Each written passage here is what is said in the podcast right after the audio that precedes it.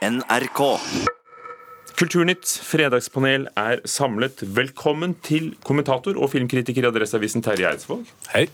Mathilde Fasting, idéhistoriker og siviløkonom i Tankesmien Civita. Hei. Og Inger Merete Hobbelstad, filmkritiker og kommentator i Dagbladet. Hei. Du er i Bergen, hvorfor det? Eh, Jeg er i Bergen fordi eh, det er en veldig fin mann i Bergen. Oh, ja, Eh, jeg tenkte på Festspillen, jeg skjønner. du. Nei, det, Festspill kan være festspill, det er kjærleiken som er hovedgrunnen. Natt... Men jeg var på Festspillen i går, så helt, helt ut er det ikke. Ja. Så fint, da fikk vi plassert det. Natt til i går var streiken blant NRK-journalister over etter åtte dager. Både kringkastingssjefen og fagforeningene fremsto som fornøyde med avtalen de var blitt enige om, og endelig ble det prat og ikke popmusikk i P2 igjen.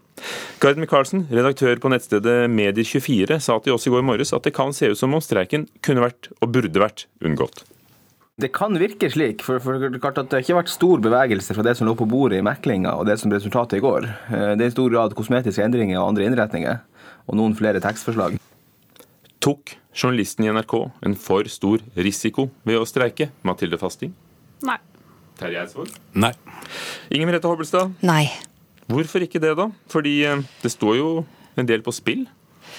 Eh, Vel, altså Det vil alltid være kontroversielt når det gjelder NRK med eh, slike aksjoner som dette, av den enkle grunn at NRK er lisensfinansiert. Så det å på en måte eh, kreve større del av den økonomiske pakka som kommer inn til NRK via lisensbetaling, altså det vil være noe annet da, enn å be om høyere lønn og bedre vilkår i andre bedrifter. Men jeg syns Egentlig var det Fridtjof Jacobsen i VG som hadde et poeng jeg syns var veldig godt her. Altså, det var at i NRK som i andre steder så ser man at avstanden i lønn mellom ledelsen og vanlige ansatte har økt. Eh, altså at det å ha en administrativ stilling, en redaksjonell stilling, det premieres uforholdsmessig godt da, sammenlignet med det å være frontlinjen og sitte der og lage stoffet som NRK er avhengig av. Eh, og det å gå til en aksjon for å prøve å minske dette, eh, dette gapet. Og her var det også en side av saken hvor det dreide seg om solidaritet med tilkallingsvikarer, som har ganske eh, skralle kår. Altså Det syns jeg er verdige saker å aksjonere for. Du, spur, du, spur, du spurte jo om man tok en for stor risiko. De tok jo en stor risiko, og det, det gjorde jo både journalistene og NRK-ledelsen. Det er jo to parter som, som skaper en streik. Men Og, og hva risikerte de? jo, eh, de risikerte et dårligere resultat enn det de fikk. Hvis streiken har vært, vært lengre og resultatet har blitt dårligere, hadde det vært lettere å svare ja på spørsmålet. Og man risikerer jo selvfølgelig å gjøre NRK mer unnværlig for publikum. Eh, eh, Man lever i en eh, utsatt medietid, men, eh, men når, når eh, begge partene ser ut til å kunne leve med resultatet eh, av en streik som man i etterpåklokskapens lys kan si virka unødvendig, så tror jeg også den vil ha en god effekt på neste gang man skal sette seg ved forhandlingsbordet og, prøve å bli enig på en, på en annen måte. Det slår meg, Mathilde Fasting, at du er den eneste her som ikke, ikke selv er journalist. At du er helt uhildet, i hvert fall. Ikke helt, da, for jeg har jo jobbet sammen med han som eh, var et av medieklippene her, ikke på radio nå, men som eh, kom i mediene pga. at han mente at eh, streikeretten i offentlig sektor burde begrenses. Altså, Civita har jo skrevet noen notater om det og flere kronikker, og det går mer på det prinsipielle. Altså, det viser seg at Norge er på tredjeplass i Europa når det gjelder streiking, og det er jo litt rart siden vi har så veldig harmonisk arbeidsliv for øvrig, eller i hvert fall sier at vi har det. Og klage hver gang det streikes ved flyplasser ja, i Frankrike, absolutt, Italia og Tyskland. Ja, da, togstreiker og alt mulig rart. Men, eh, men eh, det viser seg at grunnen til at vi ligger på tredjeplass, er streiker i offentlig sektor. Og eh, de er store, og de har det vært mange av i de senere årene. Så man kan jo kanskje stille et spørsmål nettopp rundt denne risikoen. For risikoen ligger jo først og fremst, når man tenker på det tradisjonelle begrepet streik, så ligger jo det i, i at man rammer eh, arbeidsgiveren sin. Altså det, man kan gå konkurs, f.eks. Altså du, I den privat sektor så er det det som liksom var det opprinnelige. Her sånn så er det jo eh, ikke så lett å se hvordan man eh, rammer eh, arbeidsgiveren, men man rammer tredjepart. og Det er jo det som er litt mer spesielt for, for offentlig sektors ansatte. At det er pasienter, det er f.eks. Togreisende, det er her lyttere på radio som ikke, ikke er part i saken, på en måte. Ble, ble, ble dere rammet? Ja, og det... det, jo rammet, fikk jo ikke høre Nyhetsmorgen. Men det, det, det er nok et godt poeng, men jeg tror nok at eh, NRK skiller seg litt fra andre deler av offentlig sektor, særlig pga. den debatten som NRK er under. Så jeg tror nok at eh, NRK-streiken hadde litt større eh, eh, kraft eh, retta også mot arbeidsgiver, og i, i den diskusjonen som er om NRKs rolle nå. Så det gjorde jo at risikoen ved streiken også var, var stor. Eh, men når resultatet ble som det ble, så, så er det vanskelig å si at den var for stor. Og Inger Merete, da gikk vel løssalget rykende dukkene i stativene av Dagbladet de dagene? Eh, du, jeg vet ikke om det er det man tenker mest på i slike situasjoner. Men jeg syns også det var en annen side av debatten her som var interessant. Da det var Kringkastingssjefen sa at han syntes det var vanskelig å gjøre NRK-journalister til lønnsvinnere, siden NRK er finansiert på den måten der. Og så er jo det selvfølgelig et poeng, eh, men samtidig så kan man jo snu på det spørsmålet og si hvor stor idealisme da skal det kreve å jobbe i NRK? Altså hvor mye dårligere forhold skal man akseptere enn journalister som jobber i andre eh, mediebedrifter? Og all den tid altså alle snakker med store ord om NRKs eh, betydning, og det er, som jeg er helt enig i at den har en spesiell betydning, så er det dumt om journalister også skal føle at de må ofre mye da, for å jobbe der, og ikke, ikke få konkurrerende mediebedrifter. Kort sluttreplikk fra den uhildede her. Fremdeles så syns jeg ikke at risikoen var så veldig høy, og særlig ikke når vi så resultatet av hva det ble. Dere, Vi går videre Vi går videre til Storbritannia. Britenes prins Harry og den amerikanske filmskuespilleren Meghan Markle giftet seg sist lørdag. De siste ukene, for ikke å si månedene, ja nesten år, har forberedelsene og persongalleriet vært omtalt i medier over hele verden. Og sånn hørtes det ut uh, i kirken. Harry, will you take Meghan to be your wife? Will you love her?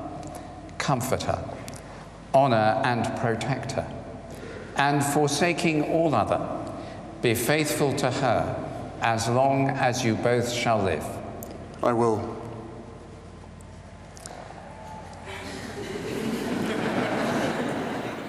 Og vi kan røpe at også Meghan svarte ja da hun fikk spørsmålet. Med alt som har vært rundt dette, er mediene kongehusenes nyttige idioter, Inger Merete Hobbelstad? Nei. Terje Eidsvåg? Ja. Mathilde Fasting? Ja. Oppsiktsvekkende svar fra deg, Hobbelstad. Nei, altså, er, jo, Svaret er jo så enkelt som at dette er noe det er enorm interesse for. Altså, jeg tror ikke det er mediene som skaper den interessen, det er en interesse som er der i deres publikum. Og, og, da tenker jeg at da er det bare en del av å gjøre jobben sin og videreformidle dette arrangementet. Det er for øvrig interessant at eh, opinionen har alltid, altså med selvfølgelig markant minoritet, eh, vært veldig tilhenger av store sånne kongelige spectacles. Da. Dette var eh, en, en, del av debatten da nåværende dronning Elisabeth giftet seg med prins Philip. Dette var jo rett etter andre verdenskrig krig. Eh, og regjeringen var jo veldig skeptisk til at eh, man skulle bruke for mye penger på dette. altså Lurte på hvordan det ville ta seg ut. Da. Om det var en sånn overdådighet knyttet til et sånt arrangement all den tid landet fremdeles drev og ble bygget opp igjen. Og de møtte altså en flodbølge i opinionen altså som på ingen måte ville at det skulle være noe småskårent eh, bryllup. De ville ha fest og pomp og prakt, og det ble det da til slutt. Så dette er jo noe som ofte også er da veldig sterkt ønsket. Og, og seere av serien The Crown vil jo vise også vite at det var første gang det ble sendt på fjernsyn til store uh, protester. Uh, Terje Eidsvåg, det er, jo en, det er jo et spetakkel uten like? Ja, enorm interesse. Og jeg liker også serien Crown, selv om personlig for min del så var det som smerta minst under NRK-streiken, at, at, det ble mindre kongebryllup for min del. Men, men, jeg skjønner jo interessen. Men det som sett ifra en, en, som jobber i media sitt synspunkt, så blir jeg litt trist over at det er så mye uh, som gjør at vi fremstår som nyttige idioter. Det er så mye ukritisk. Et lysende unntak er faktisk Dagbladet Inger Merete Hobbelstads avis sin, sin, kritiske gransking av kongehuset, og flere artikler som også, setter, som også andre innimellom eh, som setter her i et historisk perspektiv. Men det er altfor mye uh, ukritisk, uh, uh, veldig lettvint journalistikk om kongehuset. Kongehusene. Det er jo det ukritiske lettvinte showbizen, alt, kjolene, alt sammen. ikke sant? Det er jo The Crown, det er seriene. Du bare, vi bare elsker å se på det. Og selv jeg som jobber i en liberal tankesmie og har mange republikanske venner og tenker at jo da, jeg er republikaner sånn, sånn prinsipielt, men så kommer det kongebryllupet, og så setter jeg meg ned og så ser jeg på det, og så tenker jeg det er jo så fantastisk. Det er jo noe med myten og noe med liksom hele greiene. Og den myten er jo nå at de ikke er hemmelige, men nå er de liksom De viser fram denne prakten, og vi vil gjerne se på det. Og sånn og det er vel tilfeldig at de gjerne vil vise den frem, for det virker jo på en republikaner. Ja, det gjør jo det, ikke sant. Og jeg sitter og følger, prøvde å tenke at jeg skulle være litt kritisk, og sitter og følger denne satirekontoen til dronning Elisabeth på Twitter, og den er jo helt fantastisk. Det er jo bare å følge med på hennes kommentarer, særlig da denne pastoren satte i gang med, med talen sin. Det passet jo ikke helt inn i det britiske kongehuset sånn i utgangspunktet. sånn at det er jo bare show alt sammen, men vi liker det. Og hvis det blir borte, så, så er ikke, det er ikke det samme med en president. Altså, det, mm. jeg, jeg, skulle jo ønske mer av. The Crown er jo et rått, rått maktspill. Eh, det er mye av det maktspillet og det som ligger bak, og det, det dramaet som ligger på å si, bak og ved siden av kjolene, som gjør Crown til så fascinerende, i hvert fall for meg. Eh, jeg kan jo for øvrig takke for komplimenten her og si at jeg syns det er veldig viktig at Dagbladet driver med den journalistikken vi gjør, altså den kritiske journalistikken mot uh, kongehuset. Jeg ser ikke noen motsetning mellom å gjøre det og det å dekke uh, dette bryllupet. Og jeg hadde en ganske interessant diskusjon med en psykologvenninne av meg for, uh, om dette her. og Hun hadde noen interessante tanker om dette med at hvorfor er man så opptatt av dette bryllupet, og at det er noe som stikker dypere. da. Det er noe med at disse milesteinene, bryllup, begravelser, barnedåper, fødsler, det er sånne ting vi følger i vår egen familie. Men når det gjelder kongefamilien, så blir dette Altså man følger en annen families milestein, men det er en kollektiv erfaring. Da. Det er noe man deler med eh, en mye større eh, eh, gruppe. Og dette kan gjøre det for mange til en ganske dyp opplevelse som de har mye følelser knyttet til. Ja, hvis, ikke, hvis, ikke der, hvis, ikke, det er der, ikke sant? da mister i hvert fall kongehusene totalt eh, interesse. Altså, må jo, må, de må vises frem nå i, i dagens eh, samfunn. Hvis ikke de gjør det, så, så er det slutt. Helt sikkert. Terje Eidsvåg, har de god regi på dette? Eh, eh, ja, kanskje litt for god eh, regi, men det er også veldig viktig at mediene selvfølgelig så må mediene dekke det er en enorm interesse, men også finne flere innfallsvinkler, og også mer kritisk. Det er blitt sagt at britene gjennomfører kongelig bryllup slik Mossad gjennomfører aksjoner. Dere, kort til slutt. Det er konfirmasjonstid.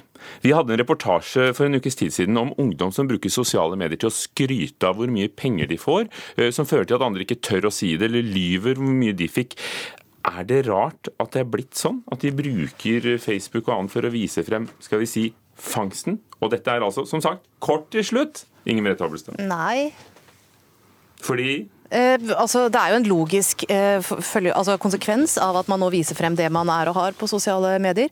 Men jeg tror jo også at det er mange som også, også deres jevnaldrende som syns det er litt teit. Da. Dette er jo i stor grad monopolpenger som ikke skal brukes til å kjøpe champagne, men ja. OK, ferdig. Mathilde Fasting, et godt råd? Ja, nei, det er jo ikke rart at de gjør det, men uh, jeg tror det er det med gaver har jo vært uh, konfirmasjonens uh, reason of being for temmelig mange år. sånn at det at man viser det fram og forteller om det, det gjorde man før. Man, man gjorde det direkte i klasserommet eller til, uh, til, kompisene, men nå gjør man det også på sosiale medier. Så intet nytt under solen, Nei, hva sier du Terje Eidsvåg? Nei, dessverre så gikk det rart. Mm. Tidligere så var det jo litt tabu å blafre med penger, litt sånn skamløst, men nå er, eh, er det ikke bare ungdommen som gjør det på sosiale medier. Takk.